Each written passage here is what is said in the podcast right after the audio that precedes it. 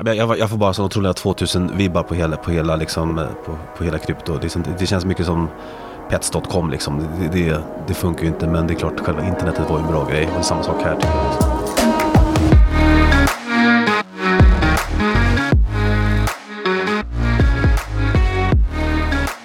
Martin Sandqvist. Anna Svan. Ja, det är inte en lugn stund på den här marknaden. Vi insåg till, plötsligt paniken att vi måste hinna, hinna spela in den här podden innan USA öppnar. Och Vi nu bara, är det vänta, vi, totalt vi, kaos. kör, vi körde efter CPI och sen så kom CPI in och S&P-terminen studsar typ 3% i ett tick. Man bara, jaha, ska man gå och ifrån det det, här är nu då? total kalabalik på valutor och räntor och eh, allt möjligt. Så att, eh, ja, mycket stökig tid. Men eh, Fint att tala om hela kryptokraschen. kryptokraschen, det ska vi prata om också. Jajamän. Och lite energi och lite guld. Intressanta rörelser i guld senaste veckorna, månaderna och framförallt idag också. Så det är egentligen som vanligt fokus på alternativa tillgångar hos oss. Någonting som jag känner kanske inte att jag har supermycket att säga om senaste CPI. 7,7% i årstakt. Ja, det är lite, lite lägre än förväntat och det här är ju liksom, som de säger i Star Wars, det här är liksom eh, Luke your only hope och det här är ju liksom Pauls enda hopp då att, att inflationen ska komma ner på naturlig väg för att liksom, då slipper han ju liksom höja räntan och eh, göra det omöjliga helt enkelt. Men det är helt otroligt att så fort inflationen faller med eh, jättelite så studsar alla tillgångar upp jättemycket. Så det blir så här ett eh, självspelande never-ending piano här. Ja, precis. Ja, det är, det är, men så marknaden är ju lite så att den, den reagerar liksom som, som, som ett litet barn överallt. Men Så är det. Eh, och så finns det fortfarande de som säger att marknaden är effektiv. Men ska vi börja med FTX? yes, yes lite krypto. Det har varit kryptokrasch här så att nu får du förklara dig. Jag trodde inte krypto var en säker tillgång. Eh, nej, det finns inga säkra tillgångar. En sak som jag har reflekterat lite över, som jag tror är en konsekvens av den här lösa penningpolitiken som vi har haft i eh, över ett decennium, eh, det är att förutom TINA, då, som alla känner till, there is no alternative to stocks, så är det liksom så här generellt. Eh, alla högrisktillgångar drog iväg i värde och jag tror att det skapade små sekter eller små kulter runt de här. Så det här med att diversifiera sig, det, då var man skittöntig och så tyckte man att eh, man håller bitcoin för bitcoin- bitcoin är den enda bra tillgången. Eller man köper techaktier för techaktier är den enda bra tillgången. Eller så håller man guld för man är en boomer.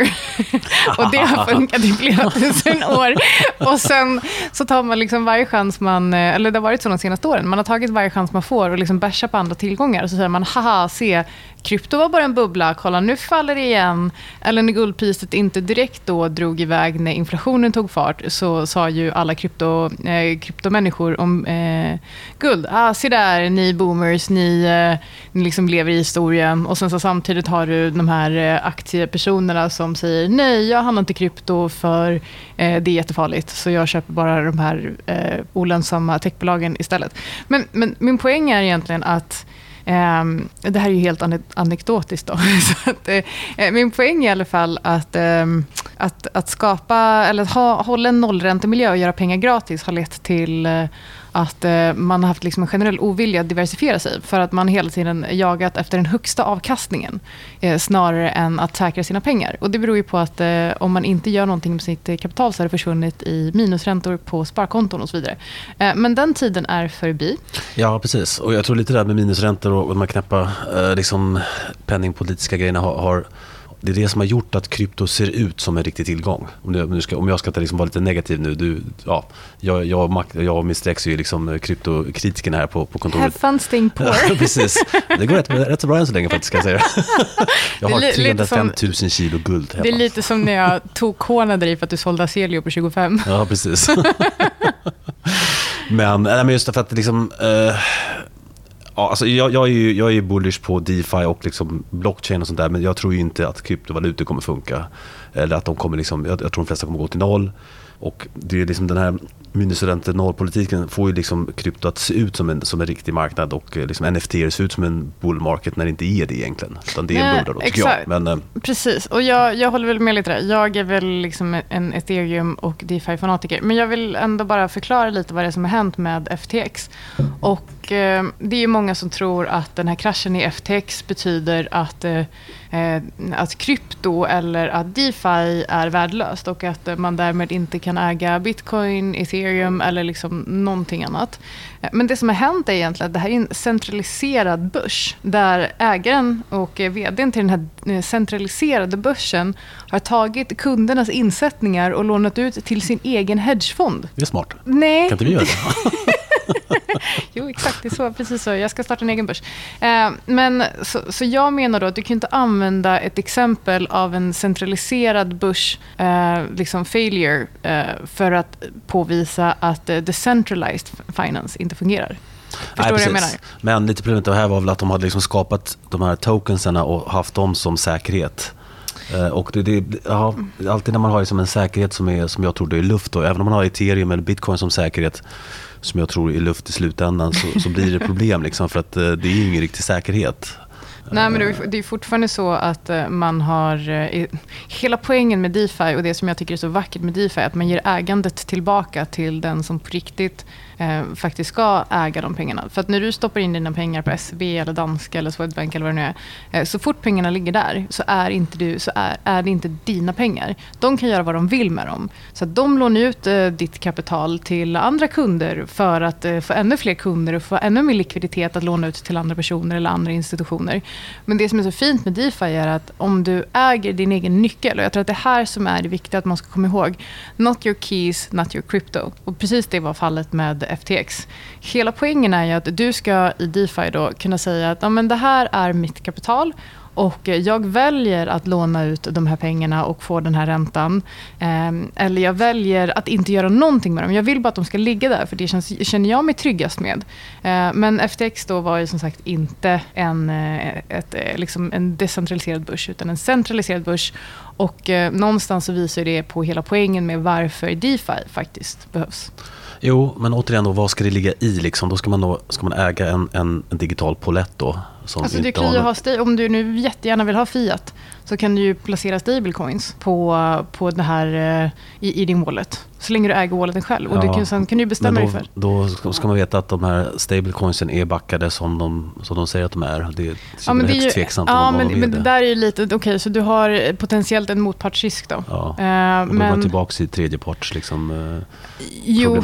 Fast, fast är... Uh, Tycker, tycker du att eh, det finansiella systemet som det ser ut idag är, det är bra? Fint, fint. Fint, ja. Boomer. Okej, okay, men... Eh, Nej, så... men okej, okay, berätta lite mer om FTX där. Vad, vad. Nej, men så här är det. Um, Sam Bankman-Fried, som han heter, Fried, Fried. Han, uh, 2017 tror jag var, startade han en hedgefond som hette eh, Alameda Research. Och, eh, han tjänade mycket pengar på den här och sen 2019 startade han FTX. Eh, och han har ju någonstans målats ut som liksom, the good guy within crypto.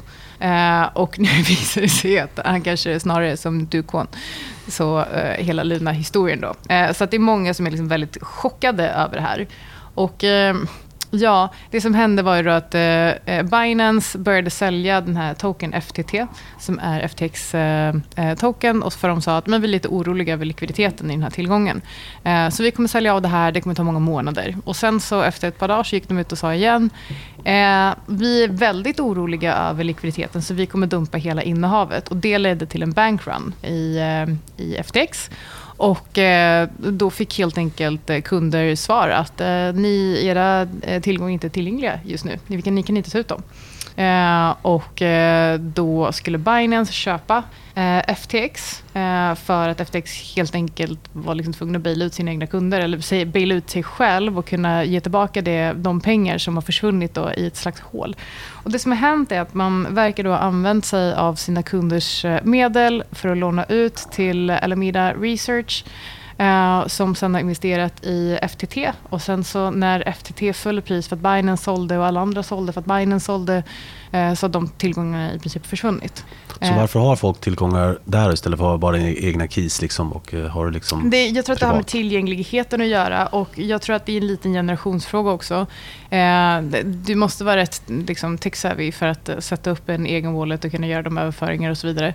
Så jag tror att det är lite så här att man, man gillar hela idén på krypto men man kanske inte inte förstår skillnaden med centralisering och decentralisering även om man förstår konceptet. Men, men hela liksom, misstaget här har ju ändå, har ju ändå varit att eh, man har litat på en centraliserad börs. Eh, och så har man väl tyckt, liksom, för FTX var ju näst störst i hela världen. Mm. Eh, så då tänkte man, varför skulle jag inte kunna lita på den? Men hur stor var Lehman? Liksom? Ja, precis. Nej, Så det här är ju, det här är ju kryptolimen. ja. Eh, det får man ju ändå säga. Eh, och eh, ja, Ja, man tyckte, man tyckte synd om Zuckerberg som tappade 100 miljarder dollar eller vad från liksom Metas topp ner till nu. Men den här Bankman-Fried då, han kanske inte förlorade lika mycket. Det var 30, han gick från 30 miljarder dollar till, till, till liksom 30, 30 år i fängelse du kanske. Ja, exakt. Ja, vi får se hur det här uppdagar sig. Så att, eh, vi befinner oss ju fortfarande mitt i det. Så vi har ingen aning.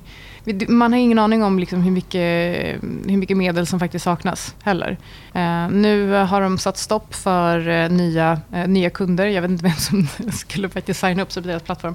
Eh, och jag fick frågan, tror ni att, tror att de kommer gå i konkurs?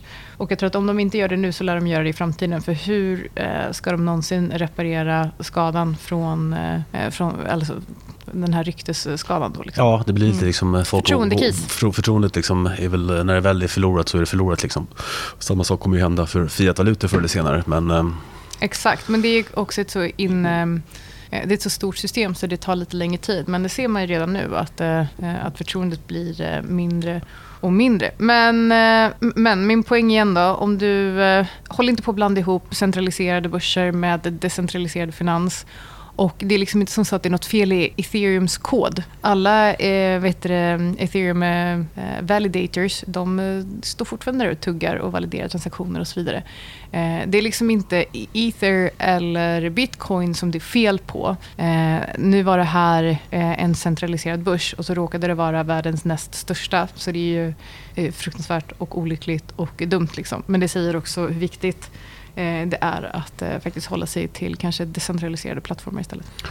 Precis, och, men, men, mitt problem med, med krypto är det här med intrinsic value och inneboende värde. Liksom, att det saknas. Men, men din poäng är med eter är då att det är det som kommer bli liksom för det är där all, all, all mjukvara byggs och de här smart contracts är det man kommer använda. Liksom, så att, ja, det är det som är skillnaden mot Dogecoin och sånt där som är, man vet är värdelöst. Alltså. E- ethereum är ju en plattform och Dogecoin var en memecoin som skapades som ett skämt. Ethereum är en världsdator, så det är, liksom, det är, fel, det är fel att liksom jämföra ether med Dogecoin. Um, beror på om du frågar mig eller Elon Musk kanske. Precis, men, men, han, eh, han trodde ju ändå på det där fast det kanske var mer skämt. Jag tror att det var ett skämt faktiskt. Eh, Men vi får se. Men eh, okej, moving on. Eller ja. vill, du, vill du säga Nej, vi, något mer kanske, vi kanske, jag är inte riktigt förberedd att det liksom, det blir alltid så här när, när krypto går ner, så man, bitcoin går ner, att man börjar, ska börja debattera liksom bitcoin. Men, och det var precis det jag menade i början då, att, eh, att de här 15 åren av eh, easing monetary policy har skapat eh, liksom olika lag eller olika läger där så fort man får chansen så går man ut och säger haha jag sa ju det, din tillgång är sämre än min. Eh, fast det vi bör göra är ju faktiskt vad vi gör i fonden. Multi-asset, multi-stray, Se till så att man eh, tittar på olika tillgångar med låg korrelation till varandra. Istället för att... För du kommer aldrig kunna pricka den bästa tillgången över alla tidsperioder. Nej, men samtidigt måste man ju liksom försöka eh, se vad som är en bubbla och vad som inte är en bubbla. Om, om nu krypto är en bubbla, som jag tror att det är, och de flesta coins ska gå till noll, så är det inte bra att diversifiera i det då. Men eh, där kan man ha olika åsikter. Nu, nu är inte vi en kryptofond så det spelar ingen roll, men det är liksom... Exakt. Eh. Och jag tror inte heller att majoriteten av alla coins som existerar kommer att överleva. Som sagt, jag eh, är ju en liten fegis där. Så att jag eh, sitter ju med mina eh, liksom Ether och ett par projekt som ligger på Ethers plattform. Eh, så att, eh, Ja, det är inte äh. som så att jag eh, tog diversifierar mig där eller eh, köper allt möjligt. Eh, jag köpte lite NFTs för att det var kul medveten om att det var en bubbla. Ja, ja. Men ehm, Jag, jag får bara så Ja. otroliga 2000 vibbar på hela, på hela, liksom, eh, på, på hela krypto. Det, det känns mycket som pets.com. Liksom. Det, det, det funkar ju inte men det är klart själva internetet var ju en bra grej. Och det är samma sak här tycker jag. Liksom, att det, jag tror att Do- eh, Doge är pets och Ja. ethereum är internet. Ja, det kanske är något sånt. Alltså, men då, då är frågan, ja, då ska, ska, den, ska den bli oändligt mycket värd då, den poletten? Hur, hur funkar det liksom i praktiken och när man ska använda det? Då ska ju folk gå in och måste de köpa den här poletten för miljarder då för att kunna använda Men du kan ju köpa fraktioner av en polett. Ja, eh, det, för liksom, anledningen att internet blev så stort var ju för att det liksom inte kostade någonting att använda, för att det liksom blev widespread och sådär. Men det här går ju lite mot, motsatsen till det. Det här blir liksom någonting oändligt mycket värt och oändligt oaccept, liksom, svårt att accessa då. Ah, skitsamma, vi, vi kanske inte behöver debattera Nej, krypto, vi, krypto just nu. eh, Men frågan är om vi kanske Vi kan ta ett separat Ja, jag, avsnitt jag det. tänker också ja. det. Eh, Ska vi eh, rulla över lite på guld istället? Ja, ja, guld. Det har varit mycket intressanta mönster och eh, rörelser senaste egentligen. Hur, hur mycket har guld Överpresterat eh, bitcoin Ja, de senaste den- två dagarna? Jag tror Peter Schiff liksom håller på att göra liksom cartwheels hemma nu. Det kommer komma så långt poddavsnitt när han bara liksom I told you so. exakt. exakt. Så att, eh, men, eh, men eh, alltså det var lite synd att vi gör poddavsnittet så sent för det har egentligen varit nu i september, oktober, november så har liksom guld gjort liksom tre bottnar och, och nya lows varje gång och senast en 52 veckors low samtidigt som liksom silver inte gjorde nya lows. Och det, det är alltid det som händer liksom i slutet av, av, en, av, av en bear market som vi har haft nu, liksom, eller en bull market correction, är liksom att silver börjar outperforma. För att normalt sett så går ju silver sämre än guld när vi är på väg ner och så liksom när det börjar närma sig botten så är det tvärtom. Och det är det, precis det som har hänt nu, att silver liksom gjorde liksom högre, högre lows nu och eh, konfirmerar liksom inte gulds nedgång. Så nu har guld gått ner sju månader på raken och eh, jag, jag tror att det här är över nu. Eh, jag är rätt säker på att det är liksom det. Vi har sagt det tidigare, men Det, det som har hänt eh, egentligen, guldets nedgång har ju varit eh, också en effekt av marknadens totala nedgång. Eh, precis som vi hade en risk-on-period. Eh, eh, under, eh, under ett tag så de här kraftigt stigande, stigande räntorna där man inte riktigt har sett något slut på det har också skapat liksom en risk-off-period och eh, då är egentligen enda tillgången som har funkat bra dollar ja precis. Och det hänger ihop på dollaruppgång, liksom guldnedgång och eh, ja, precis som du säger, risk on, risk off. Och, eh, så Jaha, att, menar du att guld är en dollartillgång? Eller? Det beror på, man, man kan räkna i kottar också. Jag tittar bara på argentinska pesos. och sen har ju centralbanker då tokköpt guld i det här, år, det här året har varit rekord. De har köpt 400 miljarder dollar. Eller 400, 400, 400, 400 ton tror jag. eh, guld det här året totalt sett. Och det är liksom rekordköp. Hur många, hur många ton har du? 35. Det är mer än Argentinas Men inte hemma, utan jag har dem utomlands. Så att det, man behöver inte liksom gå och knacka på. Eh, så att... ehm, Ja, nej, men också så var minersen är också väldigt intressant på, på, på att titta på guldgruvbolagen. Uh, rapporterade ju här i förra veckan och hade ju disappointing earnings. De, de, eh, kursen gick ner kraftigt för att de hade mycket högre kostnader än, än vad man trodde så att vinsten var lite lägre. De har ju liksom 23% kostnader då. eh, Och eh, det här ska man då jämföra liksom med den officiella inflationen på 8 Och eh, det säger bara liksom att eh, ja, inflationen är betydligt högre än, än 8 och, eh, men det sjuka är att, liksom att, att de här gold de här guldgruvbolagen, är de som har fått mest stryk när inflationen har gått upp. Det borde ju vara tvärtom. I, i liksom inflation, i 60 tider så, så, tjänar, så är liksom guldgruvbolagen de, stora, de som tjänar mest på det. Men i det här fallet så har det varit tvärtom. Just för att man tror att centralbankerna ska bekämpa inflationen och höja räntan och allt det här som vi har snackat om tidigare. Och därmed, liksom, eh, därmed har guld fått stryk och, och guldgruvbolagen också. Men det intressanta var ju att, att eh, eh, det var samma sak med till exempel Franco Nevada och, eh, och GDX, alltså den här ETFen, eh, eh Guld Miners ETFen, det gjorde inte heller nya lows när guld gjorde liksom nya 52 veckors lows. Så att, eh, det är också en till sån här konfirmationssignal att vi har nog sett botten här. Och samma sak liksom med Barrick och eh, Newmont gick ju ner och gjorde 52 veckors lows i förra veckan och sen stängde eh, kraftigt uppåt. Så att, eh, det är en sån här outside week reversal som är ett tekniskt mönster som är, som är rätt bra och eh, även det indikerar liksom att det här, nu har vi sett slutet på den här på den här korrektionen i guld tror jag. Så att, eh, ja, vi får se vad som händer. Vi har sagt det här förut men eh, den här gången tror jag att det stämmer. Ja, den här gången tror jag att det stämmer. Och eh, resten av råvarorna då? Kaffe ser ut att eh, ha bottnat lite, kakao drar iväg. Eh, tror att, eh, tror att råvaror har vänt också? Ja, det, allt det där mycket hänger på dollarn liksom och det, eh, det kanske är så att dollarn har börjat rulla över här. Och eh, då kommer ju, jag tror, ja, jag tror att eh, råvarorna bottnar ur här också. Men, eh, men det är inte så himla bra egentligen. För det kommer ju bara leda till ytterligare räntehöjningar då, om det ska innebära att inflationen ska dra iväg. Ja, men det, som, som jag snackade om tidigare så kommer, kan de inte höja räntan. Alltså det, man pratar om the terminal rate då, i USA. Liksom, vad är liksom den räntan som man kan höja till utan att USA går i konkurs? Liksom. Och det är någonstans 5-6% så går liksom en majoritet av, av skatteintäkterna till att betala räntan på, på skulden. Och det, det, det går liksom inte att ha högre ränta än så. så att, eh, och det är det här som många, som många inte förstår, att, liksom att det land som utfärdar liksom vår globala reservvaluta är de facto i konkurs idag. och vi kan inte liksom normalisera räntan och som jag sa i början här så är liksom deras paus enda hopp är att inflationen kommer igen på, på naturlig väg. Liksom, för nu har man det vill liksom... säga med hjälp av en djup depression slash recession. Ja, men det kommer inte hända för att alltså, allt det här går tillbaka till keynesianska skolan då, där man tror att inflation hänger ihop med, med eh, spänning och eh, löneökningar och sådana saker. Det, och det gör inte, eller arbetslöshet, utan inflation är ju alltid ett monetärt fenomen och eh, beror på pengatryckning. Och vi, vi kan vi kommer ju ha liksom hög inflation och recession samtidigt, där, eller depression och, och hög inflation. Stagflation. Tänk om någon hade sagt det ja. för några år sedan. Precis, ja. så att, men det här finns ju inte med, liksom, med i centralbankernas liksom, playbook. Så att, um, ja. Nej, de räknar ju fortfarande med att vi eh, om eh, några månader är nere på 2% inflation ja, igen. Precis. Och eh, om man tittar historiskt, när inflationen har gått över 5% så har det historiskt tagit eh, 10 år innan inflationen, om man tittar som ett genomsnitt av eh, av många länder. Då. Eh, och då är det alltså eh, inte emerging markets eh, bara. Det har tagit typ tio år i snitt eh, för inflationen att komma tillbaka ner till, eh, till 2% Så att, eh, att centralbankerna på riktigt faktiskt tror att vi höjer räntan men realräntan ska fortfarande vara negativ men inflationen kommer ändå tillbaka ner till 2 ja, precis, det. det är helt verklighetsfrämmande. Jag, vet inte, jag vet inte om de faktiskt är korkade eller om eller, Nej, eller det är den stora är. frågan. Är de, är de korkade eller är de bara, är, ljuger de? Liksom? Det, måste, för det måste vara antingen eller. Liksom. Och, och det, det, det, det måste förstå också nu att den inflation vi ser nu, det är ju en effekt av inflationen som skapades för 10-15 år sedan. Så liksom det, det är en otrolig lägeffekt där. Uh, vi har inte ens liksom sett liksom en bråkdel av, av liksom, uh, av den här effekten av pengatryckningen som har skett de senaste 5-10 åren.